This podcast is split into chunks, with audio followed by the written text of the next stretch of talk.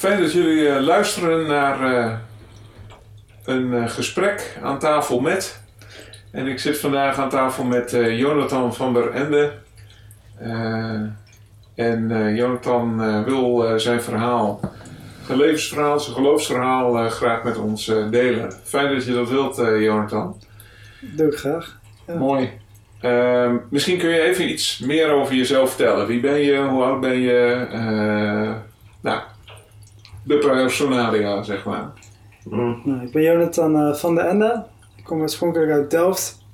En op mijn 19 ben ik naar, eh naar Heerden verhuisd om daar een discipelschap trainingsschool te volgen. En vervolgens ehm, ben ik daar ook gaan werken. En in Jeugd met de Opdracht heb ik ook mijn vrouw ontmoet. Zij heet eh, Eva, Eva van de Ende. En, eh, we zijn nu voor 3,5 jaar getrouwd. We hebben twee kinderen en aankomende januari verwachten ons eh, derde kindje alweer. En op het moment ben ik eh, 27 jaar oud. Mooi. En eh, de kinderen zijn eh, een jongen en een meisje. Ja. Hoe heten ze? Klopt, de oudste heet Noah en de jongste is uh, Anne Rose. Ja, en Noah wordt bijna twee en Anne Rose wordt bijna één. Ja, die houden de vader in. Ja, Mooi. Hey, je hebt aangegeven dat je het fijn zou vinden om je levensverhaal gewoon een keer te delen. Ehm, ja, begin maar gewoon, eh, zou ik zeggen. Waar zou je willen beginnen met je verhaal? ja, ik zou graag willen beginnen bij, eh, bij mijn jeugd. Ik denk, als ik terugdenk aan mijn eigen jeugd, heb ik een hele fijne jeugd gehad. Ik had altijd veel vriendjes waarmee ik eh, kon spelen. Altijd lekker actief, lekker veel sporten, leuke dingen doen. Eh, goed en veilig gezin. En de kerk, daar moest ik altijd eh, naartoe. Ik ging naar een christelijk gereformeerde kerk in Delft, waar ik ben opgegroeid. En de kerk was lastig, omdat ik ook de enige was van mijn, van mijn leeftijd. Dus ik was vaak de, ook de eerste of de laatste die de kerk binnenkwam en dan de eerste die weer, weer wegging. Ik had niet echt een connectie en ik vond het moeilijk om, om dingen te volgen. Mijn concentratie is ook niet heel goed. Dus ook later eh, ADD geconstateerd. En daar heb ik medicatie voor gehad. Maar toen de tijd was het nog niet bekend. En was ik iemand die gewoon graag actief bezig wilde zijn. Dus in de kerk zitten vond ik maar, maar saai. En op school kon ik wel, eh, wel lekker actief bezig zijn ook. Ja. En uiteindelijk ga ik een stukje verder in mijn leven. Toen ik mijn basisschool afgerond, ging naar de middelbare school. En dat was allemaal verder prima aan het begin. Alleen op een gegeven moment in het, in het tweede, derde jaar, ik deed dan een, eh, een vierjarige middelbare school, ehm, kwam er heel veel druk ook te liggen van hey, wat, wat ga je hierna doen? Ehm, zijn je cijfers goed genoeg? Veel huiswerk, examens, er kwam gewoon heel veel, heel veel druk bij kijken. En ik merkte heel snel, ik vind het lastig, ik vind het moeilijk om te leren voor examens. Ehm, en uiteindelijk voelde ik ook gewoon heel veel druk om, om te presteren. Om een, om een toekomst te hebben. Van ja, als je school niet haalt, dan zou het waarschijnlijk heel slecht met je aflopen. En die, die druk ervoer ik ook erg. En dus in mijn derde jaar ben je al heel erg bezig met je examen. kwamen er ook heel veel dingen daarnaast eh, die zich afspeelden. Ik, ehm, het, ik ervoer dat alles soort van tegen me zat. Ehm, ik had ook een keer een, een scooterongeluk gehad. eh, van een vriendse scooter toen ik 15 was. Ik had nog geen rijbewijs en ook, ook niet verzekerd. Dat was natuurlijk niet, niet slim om te doen. Ehm, maar daar heb ik een scooterongeluk gehad en daar moest ik veel geld ehm, voor betalen. En eigenlijk mijn probleem was die ik had, ik, ik praatte niet over mijn problemen met anderen. Dus ik hield alles voor mezelf. Dus ook op school, ook al had ik het moeilijk, deelde ik het niet echt met anderen. En ook de problemen thuis, of dan met vrienden, die, die durfde ik niet te delen. En dat heeft zich zo opgebouwd naar een punt dat ik heel depressief raakte. En geen hoopvolle toekomst meer zag. Ik dacht, ja, niemand heeft me nodig. waarvoor leef ik eigenlijk? Ik kan toch niet leren, ik kan toch niet iets bereiken in het leven. Want dat idee had ik dat het daar allemaal om draaide om een goede baan te krijgen Mm. ehm, en veel geld te verdienen. Mm. En ik zag het allemaal heel somber in en dat heeft me toen toen leiden om eh, op een gegeven moment ehm, ja, eigenlijk zoveel medicatie in te nemen. Eh, mijn vader slikte bepaalde medicatie ehm, om die allemaal in te nemen. Want ik wist van eh, als ik dat doe dan, dan kan ik het niet overleven. Mm. En toen ik 15 was heb ik dus eh, ben ik tot dat punt gekomen. En toen ik de medicatie had ingenomen, ben ik ergens naartoe gegaan. En Maar het was dus een bewuste zelfmoordpoging eigenlijk. ja, ja daarvoor ook een, een afscheidsbrief geschreven, wat ook wel heel, heel lastig was.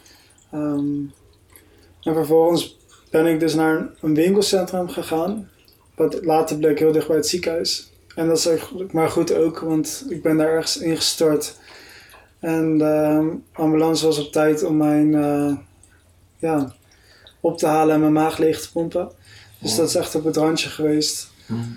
Alleen ja, toen ik wakker werd in het ziekenhuis, ehm, moest ik daar ook een, een paar dagen blijven. Alleen ik wist niet, ehm, ik was eigenlijk helemaal niet, niet blij van, weet je, het is niet gelukt.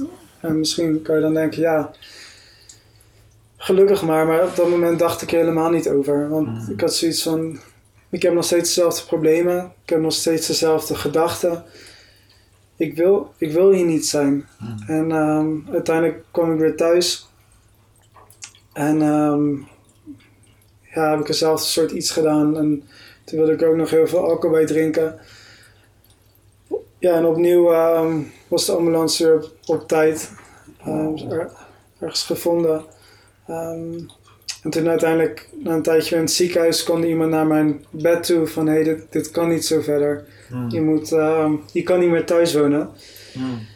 Ehm, en dan ben ik een tijdje opgenomen geweest in een eh, ja, psych- psychiatrische inrichting, eh, de Jutters in Den Haag.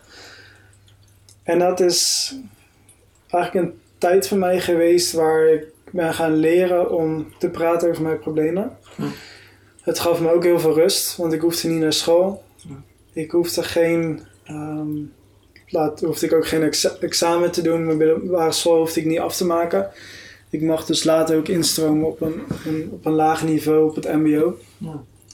Maar die, die periode is ook heel lastig geweest. Ook voor mijn ouders, natuurlijk, ook voor mijn familie. Ja. Maar op dat moment zelf besefte ik dat nog niet echt. Ik was er niet heel erg mee bezig. Eh, later heb ik natuurlijk ook heel veel verhalen gehoord. En, ehm, maar het is een, ook wel een moeilijke tijd geweest ook om, om daar te zitten in die inrichting. Ook, ja, je zit ook met andere, andere jongeren die heel veel problemen hebben en heel depressief zijn of ehm, angst ja, aanvallen of ehm Ja. aan de drugs zaten of verschillende dingen. Dus het was niet een, ook een hele goede omgeving om te zijn. Maar het was wel een, een tijd geweest van bepaalde rust en ehm, dat ik ging leren te praten over mijn problemen. Ja, maar we kunnen straks de draad hier even weer oppakken, denk ik. Maar ehm, nee, je beschrijft het even in vogelvlucht, hoe je, hoe je tot bepaalde stappen komt. Ehm, maar hoe, waar kwam die druk vandaan? Hoe, hoe kwam het dat je die druk ervoerde van ik moet presteren en, en het gaat om, om dat ik een goede baan en dat gaat mij niet lukken. Hoe, hoe komt het dat, dat je zoveel druk opbouwt? Ik denk dat het komt door gewoon de dingen die je hoort op school. Gewoon hoe belangrijk het is om, om, om goed je best te doen en een soort van mee te kunnen in de maatschappij. Ik denk over de jaren dat je dat gewoon een soort van meepikt, maar ook vergelijkt naar, naar anderen. Van hé, anderen lukt het wel. En misschien lukt het anderen niet, maar laat ze dat niet zien. Dus ik denk dat ik dan ook wel soort van ga, ga vergelijken van hey, die kunnen het wel en ik niet. Ehm, ik denk mede daardoor ook dat ik die, die druk ervoer. Ja, Van, het moet ook heel machteloos gevoeld hebben als je niet in staat bent om daarover te praten. Ja, Ja. ja, zeker. En dat was ook een, een, een tijd wat van de buitenkant was ik een blije Jonathan. Ik liet niets merken. Hm. Maar van binnen ging ik echt kapot. Alleen, ik kon me nog wel een soort van een masker opzetten. Want toen ik uiteindelijk een poging, twee pogingen heb gedaan, niemand die had het verwacht. Niemand had het zien aankomen. Zo. Dus het kwam ook echt uit het niets voor iedereen. Terwijl ik er al een tijdje mee rondliep, maar Ja. het niet durfde te delen of wilde delen. Ja. Maar je ouders hebben dat dus ook niet eh, aanzien komen waarschijnlijk. nee, Goh, nee. Dat moet ook eh, voor hun eh, Ja, chockerend zijn geweest. ja, ja, zeker. Ja, het heeft een eh, heel erg groot effect ook gehad op hun leven. Ja. En ook omdat je vertelt, eigenlijk was, had ik een heel gelukkige jeugd. Ja, heel vaak als je verhalen hoort van mensen die komen tot zelfmoordpogingen of zelfs waar het dan wel slaagt, dan zit daar vaak al zoveel ellende in hun kinder- en jeugdtijd achter. Maar dat is bij jou dus eigenlijk helemaal niet zo. nee, nee. Ik heb eigenlijk ja, gewoon een goede relatie gehad Ja. met mijn ouders. Ja. Ehm, na die periode van eh inrichting, ik zal er later ook nog meer over delen, is het wel ook moeilijker geweest om ook te delen met mijn ouders. Ehm, ja, maar echt die druk en van geen hoopvolle toekomst zien. Want ik wist, ja, mijn, mijn cijfers zijn niet genoeg om mijn examen. Dat was ook iets, mijn, ik wist van ik kan nooit mijn examen gaan halen. En om dan nog een jaar school te doen, dat was ook een van de redenen van, ik had het zo niet naar mijn zin op school en ik, dat lukte gewoon niet. Ehm, dus ook die gedachte van nog een jaar, van wat heeft het voor zin allemaal? ja, Ik denk dat heeft ook wel heel erg meegespeeld. ja. Ja, En van binnen bouwt die druk zich dan op en van buiten was je gewoon de blije Jonathan. ja, Zo, ja. zo. ja. Hey, en, en je vertelde even dat jullie naar de kerk gingen, Christelijk Gereformeerde Kerk. Je was de enige jongere daar zo'n beetje, dus je vond geen aansluiting. Eh, wat deed dat met je geloof dan? Als mensen vroegen van, hey, je gaat toch naar de kerk? Dan zei ik altijd, ja, mijn ouders zijn christelijk.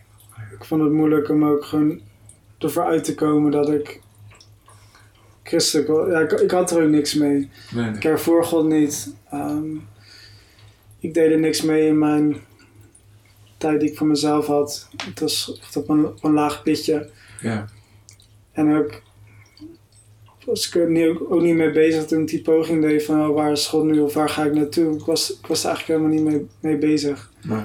Nee. Nee. Nee. En later is het dus ook ehm, na, die, na die pogingen ehm, wist natuurlijk ook heel de kerk erover. ja, Ehm, en ik moest altijd naar de kerk.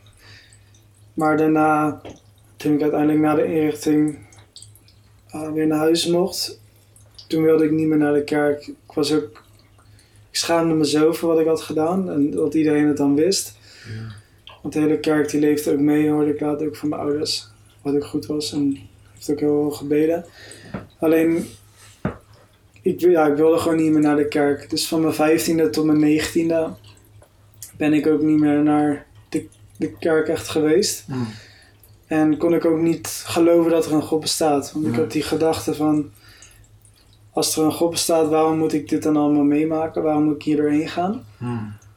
En dat heeft me eigenlijk eens een afkeer gegeven van, van God en van de kerk. En merkte ik ook juist in die periode dat ik vervulling ging zoeken in, in andere dingen. Mm. En zo ben ik dus meer ehm, ja, gaan feesten. Op een gegeven moment ja, dan begint het met, met roken en dan ga je heel snel blowen, dan ga je veel drinken. Eh, ga je leven voor het feesten, leven voor het weekend. Op een gegeven moment raak je ook in contact met vrienden die geen goede invloed op mij hadden. Die me meenamen dan naar ja, dus een bepaalde genre van muziek. Dat heet hardstyle. Mm. Echt, echt een heartbeat, een soort van eh, muziek. En daar wordt ook veel drugs op gebruikt, veel festivals. Dus op een gegeven moment, toen ik net 18 was, kom ik daar naartoe. En toen was ik al voor het eerst dat ik dan harddrugs ging gebruiken. En eigenlijk wilde ik dus steeds meer naar die feesten, want dat gaf me dus ook een reden om te gebruiken en om op dat moment even blij te voelen. Ja. Want op een moment geeft het je al een leuk gevoel en dan ben je met vrienden, maar die dagen daarna voel je je weer helemaal leeg en probeer je weer geld te verdienen om weer naar het volgende feestje of festival te gaan. En dat, dat was in de periode na die twee zelfmoordpogingen. Ja, Ja, ja, ja. ja. Ja. Vanaf mijn, vanaf mijn, ja, vanaf mijn 16e, 17e ging ik veel uit. En dan van mijn 18e veranderde dat softdrugsgebruik meer in harddrugsgebruik. Zo. Ja. Ja, En, En dat en was- die opname in Den Haag is daarna dan geweest? Of is dat na je Na de samenwerking. Oké, dus dat zat daarvoor, voor wat je nu beschrijft. ja, Oké. ja. Dat was echt na de, na de heb ik daar een paar maanden gezeten. En op zich was dat een, een ja, misschien niet goede omgeving met jongeren die ook vastliepen in hun leven, maar wel een periode waarin je rust ervoor zei. Ja. en kon ehm, en, en leerde te praten over, over de problemen die ik had. Ja, En vervolgens daarna mocht ik dus instromen op een, op een, ehm, een MBO sportopleiding. In plaats dan van niveau 3, 4 mocht ik dan niveau 2 doen. Hm. En dat heb ik voor anderhalf jaar gedaan. Hm. Maar daar liep ik ook weer vast. Want het eerste jaar was vooral veel sporten.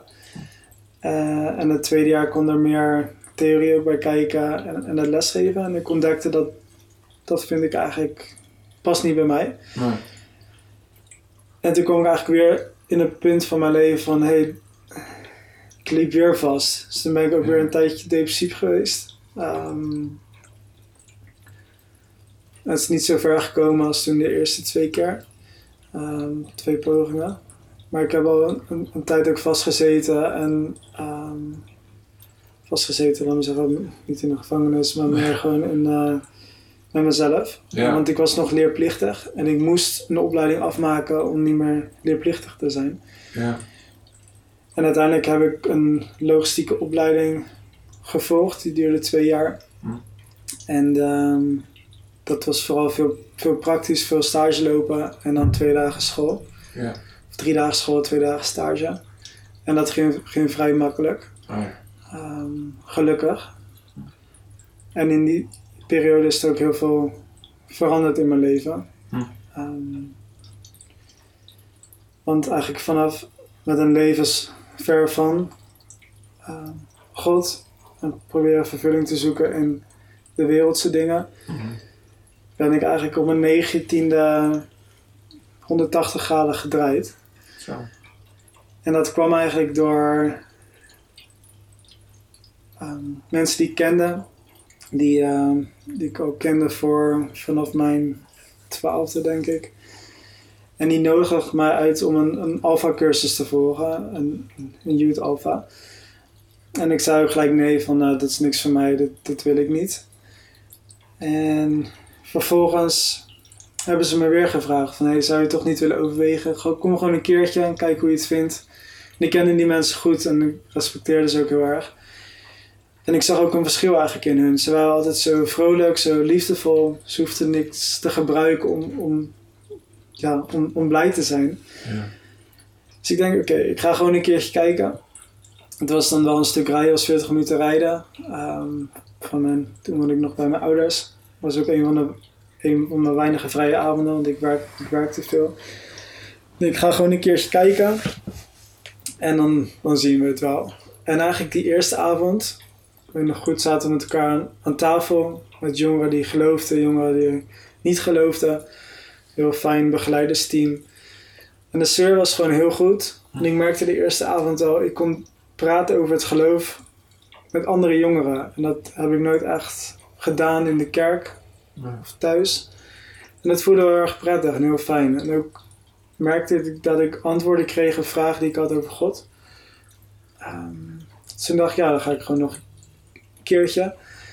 En uiteindelijk ehm, begon ik uit te kijken ook naar, naar die avond. Omdat ik toch wel een soort van honger kreeg van, hé, hey, misschien is er wel meer.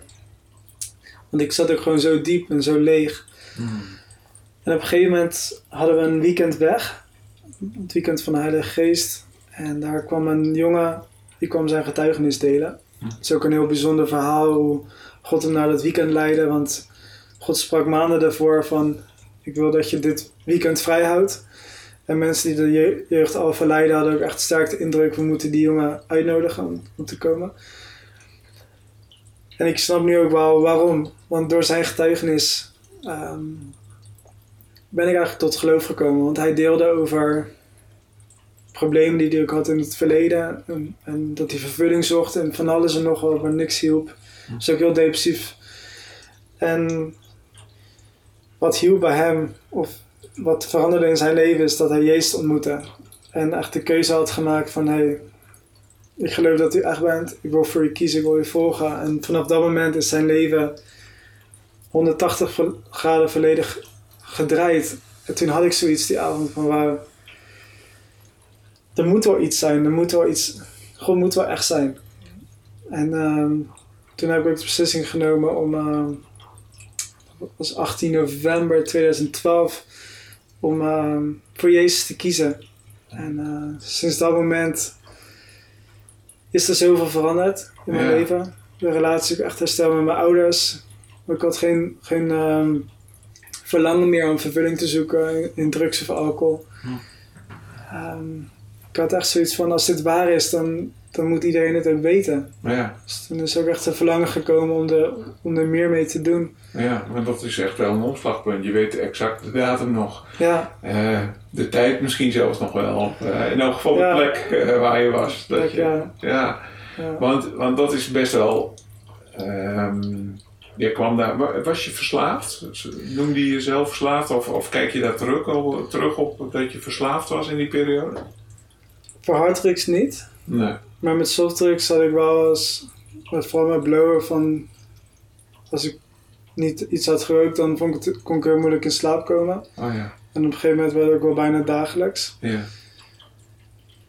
Dus ja, ik denk dat je het wel een verslaving kan noemen, maar ik ben nooit naar een afgekliniek of iets Nee, geweest. precies. Nee. Nee. Nee. Nee. Maar je komt dan als niet-gelovige, wel opgegroeid met geloof, maar niet-gelovige jongeren op zo'n alfa-groep. Ehm, met, met dit verhaal daarbij. Ik weet niet wat ze daarvan wisten en zo. Maar dat is best ook wel, wel spannend dan, denk ik. Ook voor, voor de gelovige jongeren die daarbij zaten, misschien om jou erbij te hebben. Of, of ging dat heel natuurlijk? Ja, in principe eh, rond die tijd deelde ik eigenlijk niet over wat ik had gedaan. Oh nee. Ik was daar helemaal niet open over. Nee. Want ik, ik schaamde me heel erg voor. Ja. En ik merkte ook als ik erover deelde, kwamen gelijk heel veel emoties naar boven. Ehm, dat ik het nooit echt met iemand heb verwerkt of veel over heb gesproken. Nee. Dus mensen kennen mijn getuigenis ook niet of wat ik had meegemaakt. Nee. Ehm, en eigenlijk nadat ik tot geloof ben gekomen, ben ik ook, weet ik nog, datzelfde weekend ben ik ook, heb ik ook dingen gedeeld wat ik in het verleden had gedaan, met harddrugs of andere drugs. Gedeeld eigenlijk naar, naar mensen die ook dichtbij me stonden, maar die er niks van wisten. Dus ik merk ook vooral na mijn bekering dat er ook een stuk openheid is gekomen. eh, en dat ik echt dingen naar het licht wilde brengen. Wat je heel lang niet gekund hebt om, om van binnenuit je, je hart te laten zien, je leven te delen, dat, dat is daarna veranderd. Ja, Ja, absoluut. ja, Ja, ja, ja. Ook met mijn ouders thuis. Ja, want dat zei je, je dat je het contact met de ouders ook wat kwijt was geraakt. Ja, ik, ze zijn altijd. Ze hebben altijd het beste voor me gewild. Alleen Ja. voor mij, ik merkte, ik vond het gewoon heel lastig om met mijn problemen naar mijn ouders toe te komen. Ja. Want ik wilde niet nog meer spanning of een soort van stress thuisgeven. Mm. Mijn vader is ook al een hele lange tijd terug, heeft, er is tinnitus bij hem geconstateerd, dus hij heeft constant een, een harde piep in zijn oor. En het heeft ook wel wat gedaan thuis. Ja. Ehm, en ik wist ook van, hé, hey, dat, dat is ook wel heel lastig en zwaar. Ehm, dus ik, ik denk, als ik er nu later over terugdenk, van, ik denk dat ik niet met mijn ouders wilde delen, ook omdat ik niet meer, je nog meer wilde belasten met nog meer problemen als het ware. Ja, ja. Misschien uit bescherming ook gewoon voor mijn ouders. Ehm, Dus het kwam meer uit jezelf voort dat je. Hoe zag dat eruit? Dat je niet meer thuis kwam? Of, of eh, ik woonde nog wel ja? Ik woonde nog wel Ja. thuis. Of toen ik, ehm, voordat ik tot geloof kwam, was ik altijd veel weg, veel werken of s'avonds laat tot heel laat nog. Ehm, ja, met vrienden, met eigen huis was ik, waren we daar gewoon ehm, ja, aan het blowen of Ja. ja, FIFA spelen of Ja. ja, gewoon eh, niet zoveel doen. Ja. Je Ehm, sloot je emotioneel eigenlijk van, van je ouders af. ja, Ja, Ja. precies. ja, ja. Dus, ook, dus wel ook gewoon dingen die ik liefst ook gewoon ge- geheim hield. Dus eh, was ook een periode voor mij dat ik eh, in die periode 18, 19 had ik ook weer een ander geheim dat ik eigenlijk heel veel gokte. Um, voordat we snel geld wilde verdienen. De eerste keer dat ik nog naar het casino ging, toen had ik een paar honderd euro. En dat heeft me eigenlijk ook verslaafd gemaakt aan, aan gokken. Dat heeft toen ook nog wel heel erg gespeeld en ook heel veel geld verloren, ook online. Ehm, en dat vond ik ook wel lastig om daar eerst open over te zijn. Maar eigenlijk door mijn keuze, mijn leven aan Jezus te geven. Zijn eigenlijk al die verlangens om, om die dingen te doen, zijn gewoon helemaal verdwenen. Oké. Want toen werd het inderdaad 18 november 2012. 12. Ja, En dat is echt, echt een omslag, als Ja. ik je goed begrijp. ja, Want wat veranderde er? Je zei, je gaf al even aan, het contact met je ouders werd anders. eh, de verslavingen. Schets eens, wat, wat, Ja. wat was er anders? Nou, wat de Bijbel zegt ook van, of wat Jezus zegt van ik ben het brood des levens, dat, dat ervoer ik zo van, hij, is, hij zegt de enige die uit diepste honger op kan vullen. Dus dat, dat merkte dus ook in, in het verlangen naar alcohol of drugs. Ik, ik had het niet meer. Ik had het verlangen om de Bijbel te lezen, wat ik nooit had. Ik kwam ook thuis van het Alpha Weekend en ik zei tegen moeder, ik wil, ehm, ik zou graag een Bijbel willen. En die heeft uit, uit, uit- ik had wel bijbels, ehm, bijvoorbeeld, ik kan me herinneren, de, de Statenvertaling of bijbels die je dan kreeg ehm, op de bijbelclub, die gewoon heel moeilijk te lezen zijn. Ja. Dan weet ik nog heel goed dat mijn moeder mij de, de jongere bijbel gaf. Oh ja. En toen zei ze ook van, dit is het mooiste cadeau wat ik je heb gegeven. Hmm. Ehm, en ik merkte dus ook na die tijd, ik kreeg een honger om, om de Bijbel te lezen. Ik kreeg een honger om tijd met God te besteden, te bidden.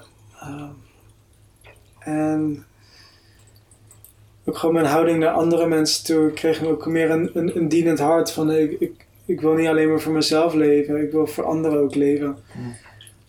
En wat ik ook al aangaf van, nadat ik tot geloof kwam, had ik ook zoiets van, als dit echt is, dan moet ook iedereen het weten. Dus ik kreeg ook het verlangen om een bijbelschool of iets te doen, of naar het buitenland te gaan, om daar te helpen. En ik kende een vriendin, die had een, eh, in 2011 had zij een discipelschap trainingsschool gevolgd op Heidebeek.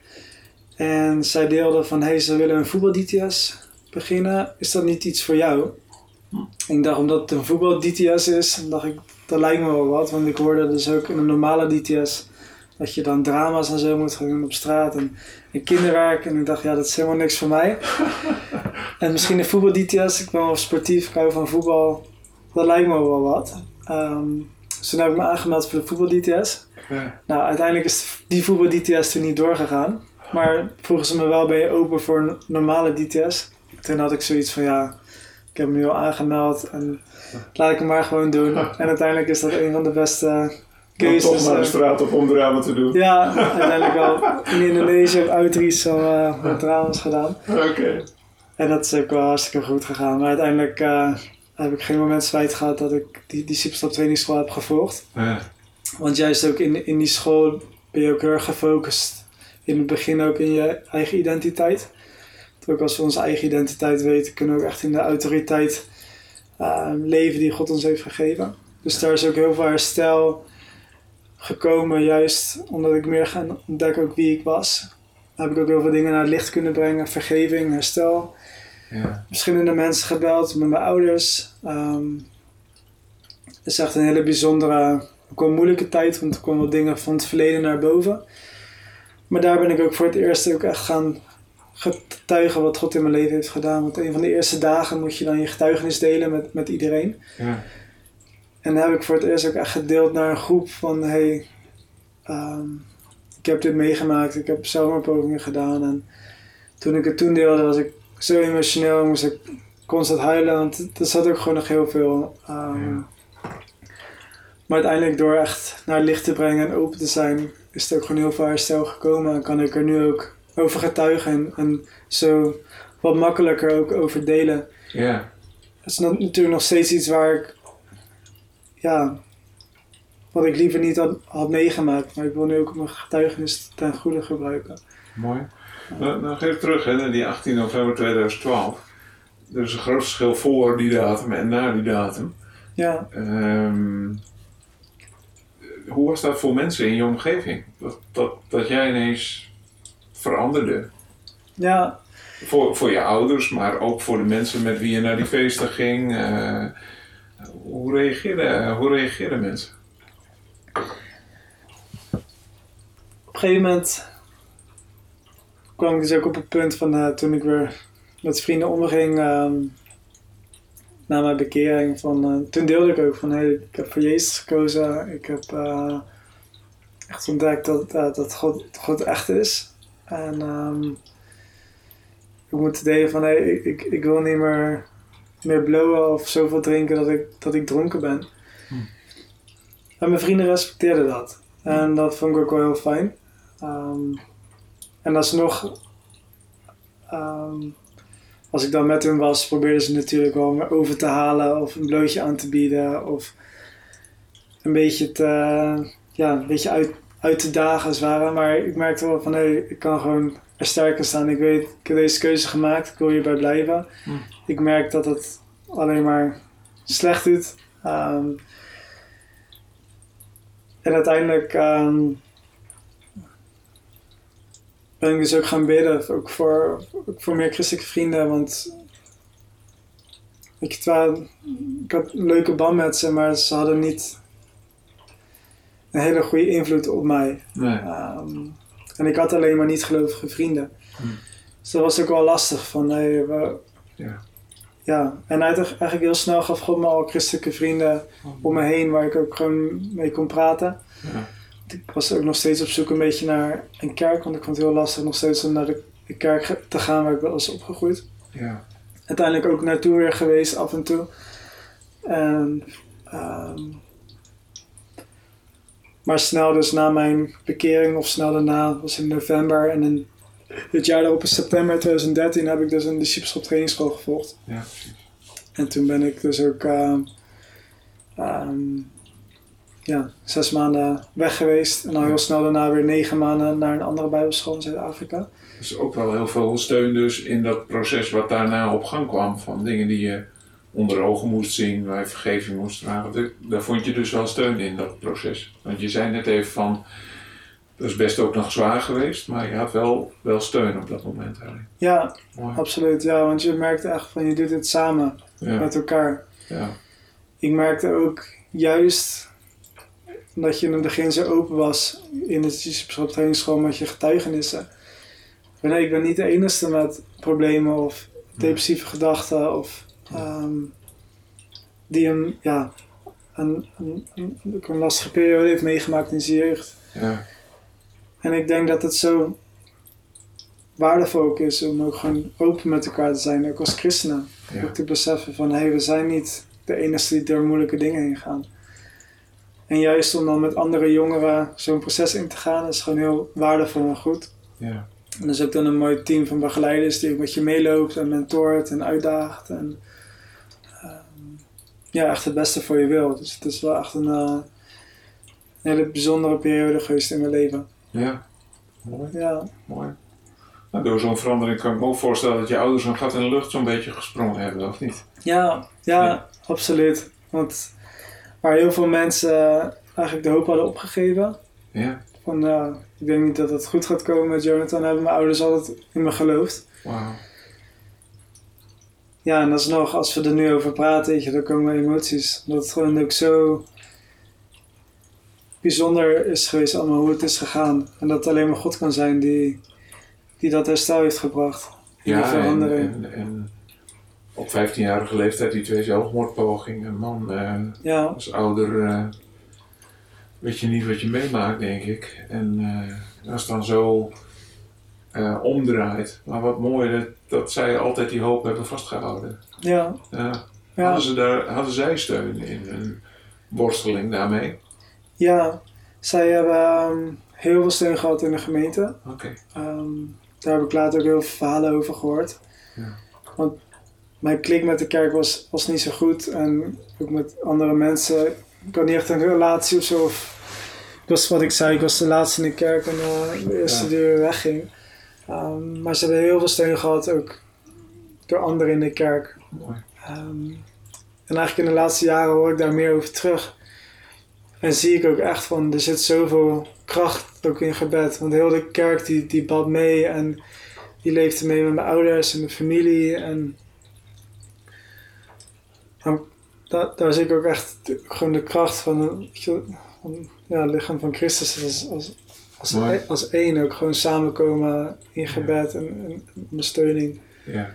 Ehm, en ook ehm, op een gegeven moment mocht ik ook in diezelfde kerk ehm, eh, ook, ja, eigenlijk mijn geloof delen. Ja. En toen ik het deelde, waren er ook zoveel mensen die gewoon geëmotioneerd raakten en, en moesten huilen.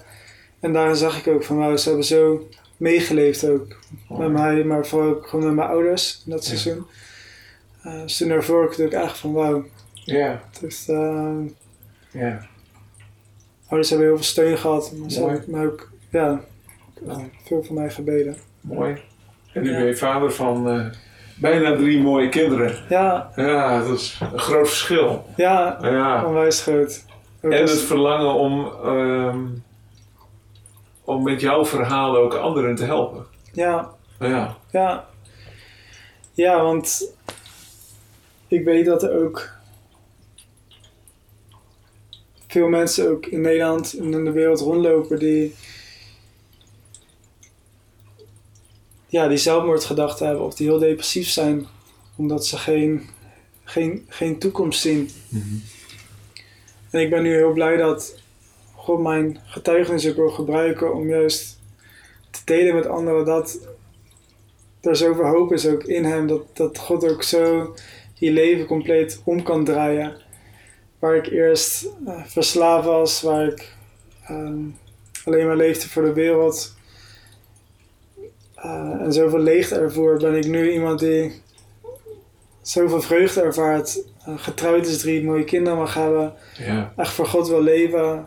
ehm, zijn voorziening zien in mijn leven en zoveel blijdschap, zoveel rust, zoveel vrede. Ehm, ja, zo vol, vol leven en, en, en passie voor Hem. En daar wil ik gewoon over delen, want iedereen moet het weten dat, dat God je leven compleet kan veranderen. In welke situatie dan ook in zit. Wat, wat zou je willen zeggen tegen een jongere van een jaar of 14, 15, 16 die, die zich misschien wel herkent in jou? Van buiten vrolijk, eh, geen moeilijke achtergrond in gezin of eh, in moeilijke dingen, hele moeilijke dingen die gebeurd zijn, maar toch het gevoel heeft van: wat heeft mijn leven voor zin? Wat, wat, wat, wat zou je ze willen zeggen?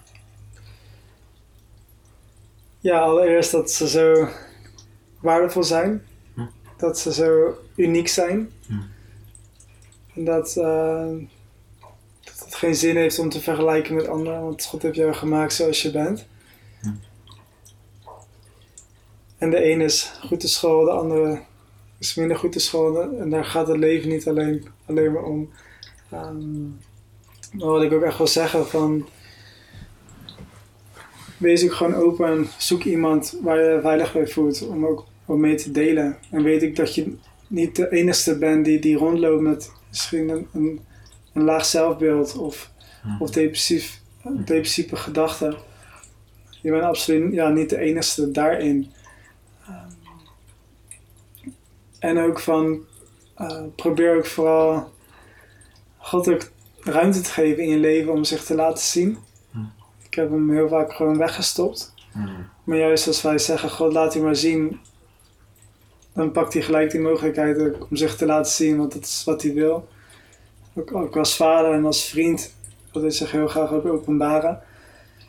En zonder God is het heel moeilijk ook om het leven te doen. En daarom heb ik ook echt, ja, voor de jongeren, weet je, zoek ook vooral, geef gewoon God ook de ruimte in je leven. En weet ook dat als je klopt, dat hij open zal doen. Als je zoekt, zal je vinden. Dat is ook een belofte die God doet in de Bijbel. Ehm, en dat is ook echt waar en dat heb ik ook zelf mogen ervaren. Maar het is wel een keus die bij ons ligt. Want God, heeft, God heeft ons uit liefde gemaakt. En als hij iemand uit liefde maakt, dan geeft hij hem ook een vrije keus. Dus eh, wacht alsjeblieft dan ook niet te lang om, om hem te zoeken. Dat, eh, ja, dat zou ik graag willen zeggen. En moet iedere jongere die dat dan meemaakt en God gaat ervaren, een DTS gaan doen en eh, ehm, eh, de zending in en het verhaal delen? Ja, nee. nee. Wat ik, wat ik, heb, wat ik echt heb ontdekt van... ehm, weet je, zendingswerk is mooi. DTS doen is mooi. Ik wil sowieso iedereen aanraden van... Na je middelbare school, doe iets van een, een bijbelschool. Ehm, want het is echt een voorrecht om echt tijd te hebben... Om gewoon apart te zetten voor God. En er zijn zoveel keuzes die, je- die je nu kunt doen. En juist ook in zo'n school leer ook gewoon meer zelf ontdekken van eh, wie ben jij. Vooral in deze, deze ehm, de tijd waarin we leven komt er zoveel op ons af. Ehm, ook heel veel dingen die, ja, die niet waar zijn of niet goed voor je zijn. Ehm, heel veel druk, maar juist ook door echt op God te focussen en om te ontdekken van hey, wat, wat u, wilt u met mijn leven? kan ook zoveel rust geven en richting in je leven. En juist een bijbelschool kan ook echt helpen van wat, wat wilt u dat ik doe met mijn leven? En de zending ingaan is hartstikke goed. Ik weet ook een, ehm, was al een paar jaar geleden dat mijn broer, had ik een gesprek met mijn broer en die zei ook van, ik ben een beetje jaloers ook van, van wat je doet, van je mooi werk in de zending. Maar toen zei ik ook van, ja, weet je, jij, jij hebt rechten gestudeerd. Mm. Ehm, Jij kan de advocaten bereiken. Ik moet iets verkeerds doen om met hun in gesprek te gaan. En zo geloof ik ook dat God iedereen een specifieke rol heeft gegeven in deze maatschappij. Dus al al ben jij, werk je bij de supermarkt, of werk je ehm, met ouderen. Hmm. God wil juist dat jij op die plek, waar je dan ook bent, zijn liefde laat zien. Mm. Want dan zou iedereen naar de zendingen gaan en bijvoorbeeld ehm, naar alle hutjes of de kleine hutjes in Afrika gaan. Dat zou ook niet heel erg helpen, want dan is er niemand in Nederland die over God vertelt. Zo, Nee. daarom denk ik juist ook dat het goed is voor iedereen om een soort van bijbelschool te doen. Om ook gewoon te leren van hey, hoe deel ik over God? Hoe kan ik hem laten zien? Ja. Ehm, Nou, het is wel mooi dat je dat zegt, want ehm, dat geloof ik ook heel erg. En, maar ik weet ook verhalen van mensen die heel lang in hun jonge jaren eigenlijk wel eh, God wilden toelaten in hun leven, maar dat niet deden omdat ze bang waren dat ze dan inderdaad in Afrika terecht zouden komen of zo. ja, En ik geloof ook inderdaad dat God voor ons allemaal die unieke plek heeft die bij ons past. En eh, het is mooi dat je dat zo, eh, zo zegt. Ja, als je zo je verhaal vertelt, hè, ehm, ik vroeg net wat wil je tegen jongeren zeggen. Wat zou je tegen gelovige mensen, tegen de gemeente van, van de Heer Jezus willen zeggen? eh, in het licht van jouw verhaal. Ja. Ja, dan wil ik ook echt zeggen van... Mocht je jongeren kennen die depressief zijn, die misschien net een zelfmoordpoging hebben gedaan of ver in de druk zitten of verslavingen hebben, er is zoveel hoop. Blijf vooral bidden. Ja. Ik denk, als we later in de hemel zijn, denk ik van dat we beseffen hadden we maar meer gebeden. Ehm, ik denk dat er zoveel kracht dat gaat ook in gebed. Ehm, blijf altijd hoop hebben, want voor God is, is alles mogelijk.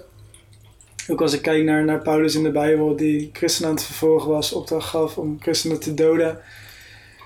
Door één ontmoeting met Jezus compleet veranderd en nu heeft hij het grootste gedeelte van het Nieuwe Testament geschreven. Ehm, dat is wel een heel bijzonder getuigenis. Maar zo zie ik het ook met andere jongeren die ik nu spreek. Die ook heel ver van God leefden. Die gevangenis hebben gezeten, die verslaving hebben gehad. Ehm, maar die nu juist door één ontmoeting met Jezus gewoon compleet andere mensen zijn die voor hem willen leven en God bekend willen maken. Dan wil ik ook meegeven van als je die jongeren kent, oordeel ze ook niet. Het is niet aan ons om te oordelen. Blijf ervoor kiezen om ze lief te hebben. Want dat zullen ze ook ervaren. En juist als ze zich geliefd voelen, opent het ook weer deuren om um, voor hun om misschien ook van te kijken van hey, is, is, is God misschien echt? Um, ja, dat zou ik echt willen meegeven. Mooi. Ja. ja, mooi. Je zit nu met Eva op, uh, op Heidebeek. Uh, ja. Je vertelde dat je, dat je daar ook uh, in het discipelschapsprogramma werkt, DTS organiseert. dus je ontmoet ook veel jongeren. Ja. je zult je verhaal daar ook delen, denk ik. Wat zijn de reacties? Ja, voor de afgelopen vijf jaar werk ik dus met discipelschap trainingsscholen. Ook omdat het mijn leven zo veranderd heeft en ik juist nu ook wil geven en anderen diezelfde ervaring geven. Ja. En in elke school delen we dus in het begin ook ons, onze getuigenis. En mijn getuigenis in vergelijking met anderen is misschien iets, iets heftiger, maar er zijn ook nog veel meer heftige verhalen die ik hoor. Mm. Maar wat ik vooral voor reacties krijg van ik, ik had het nooit van je verwacht. Of Mm. ik had het nooit gedacht dat je, nu, hoe ik je nu ken, dat, zo zou ik je nooit hebben herkend. Het is ook gewoon een hele andere Jonathan.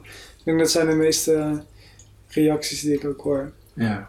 Ja, Ik, eh, ik vind het mooi het woord hoop wat je zegt. Er is altijd hoop. Eh, en dat staat eigenlijk ook groot boven jouw leven geschreven. Van, eh, God heeft het niet opgegeven. En, eh, en daarom is er altijd hoop. Eh, heel mooi. En jullie zitten nu op Heidebeek. ehm, maar dat gaat veranderen. Kun je daar nog iets over delen? Ja, dat is eh, afgelopen maanden begon God te spreken ook om eh, een, een team vanuit Heidebeek ook ehm, ja, te joinen, hoe zeg dat in het Nederlands, om daarmee mee te gaan. Ehm, want Heidebeek is groeiende en er zijn heel veel plekken in deze wereld waar heel weinig christenen zijn die, ehm, die uitreiken. En afgelopen jaar, jaren heeft God eigenlijk ons hart ook voorbereid om ehm,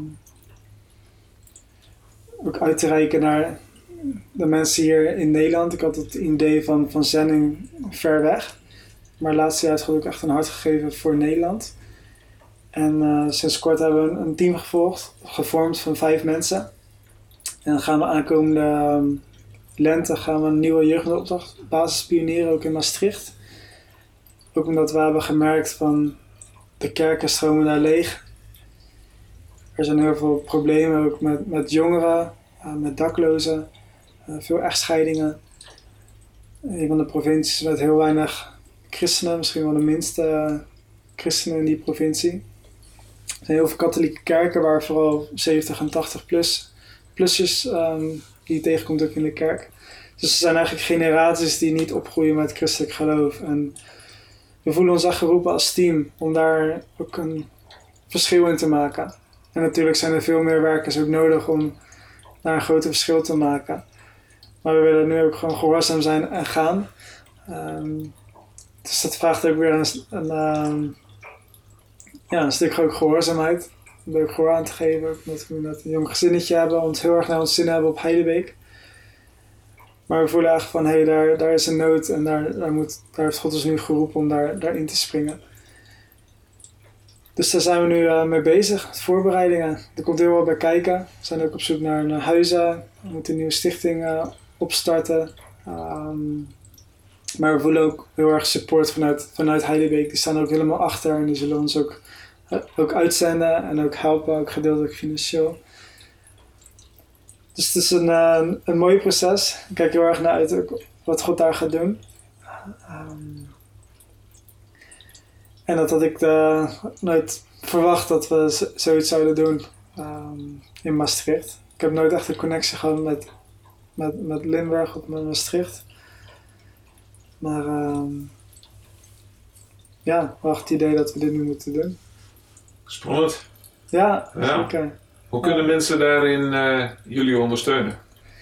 Ja, daar zijn we ook nog mee bezig. We zijn ook nog bezig met een. Uh, op dit moment ook met welke bank gaan we voor kiezen. Maar mensen kunnen sowieso ook voor ons ondersteunen door, door gebed, vooral in deze beginfase. Um, maar ook als je denkt, hey, in de lente heb ik nog wel wat tijd, ik ben praktisch handig. Kunnen ook altijd wel mensen gebruiken die ons willen helpen om te verhuizen of om dingen te doen in het huis waar we gaan wonen. Um, maar ook mocht je het op je hart hebben om te geven, dan kan dat ook via Heideweek onder vermelding van Jeugd Opdracht Maastricht. Daar is ook wel een mogelijkheid om te geven. Want dat geld kan altijd goed gebruikt worden, vooral in deze beginfase. Er moeten veel nieuwe dingen ook aangeschaft worden. En um, promotiemateriaal en evangelisatiematerialen, van alles is nodig. Um, dus dat is een manier ook om uh, te ondersteunen. Ja. Voor iedereen is er iets om jullie te helpen hierin. Uh, die dat uh, ervaart om dat te willen doen. Ja. En dan mogen ze contact opnemen, neem ik aan. Ja. ja. We hebben nu al een, een e-mailadres. Oké. Dat is Maastricht, apenstaartje YWAM, Grieks I W A M.nl. Oké. Dus uh, mochten ze vragen hebben of willen helpen, dan kunnen ze daar naartoe mailen. Maastricht at ywam.nl. Ja. Dat is zo. Hey Jonathan, zijn er nog dingen die je nog wilt zeggen? Is er nog iets dat je, dat je nog kwijt zou willen?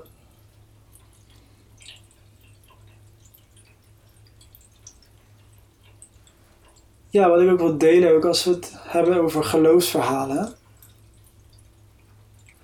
Wat ik vaak terughoor, ook in de Sipsop trainingsscholen, van mensen die altijd zijn opgegroeid met de kerk, nooit echt van God zijn afgedwaald, nooit echt grote problemen hebben gehad. Dan hoor ik vaak van, ik heb niet echt een getuigenis.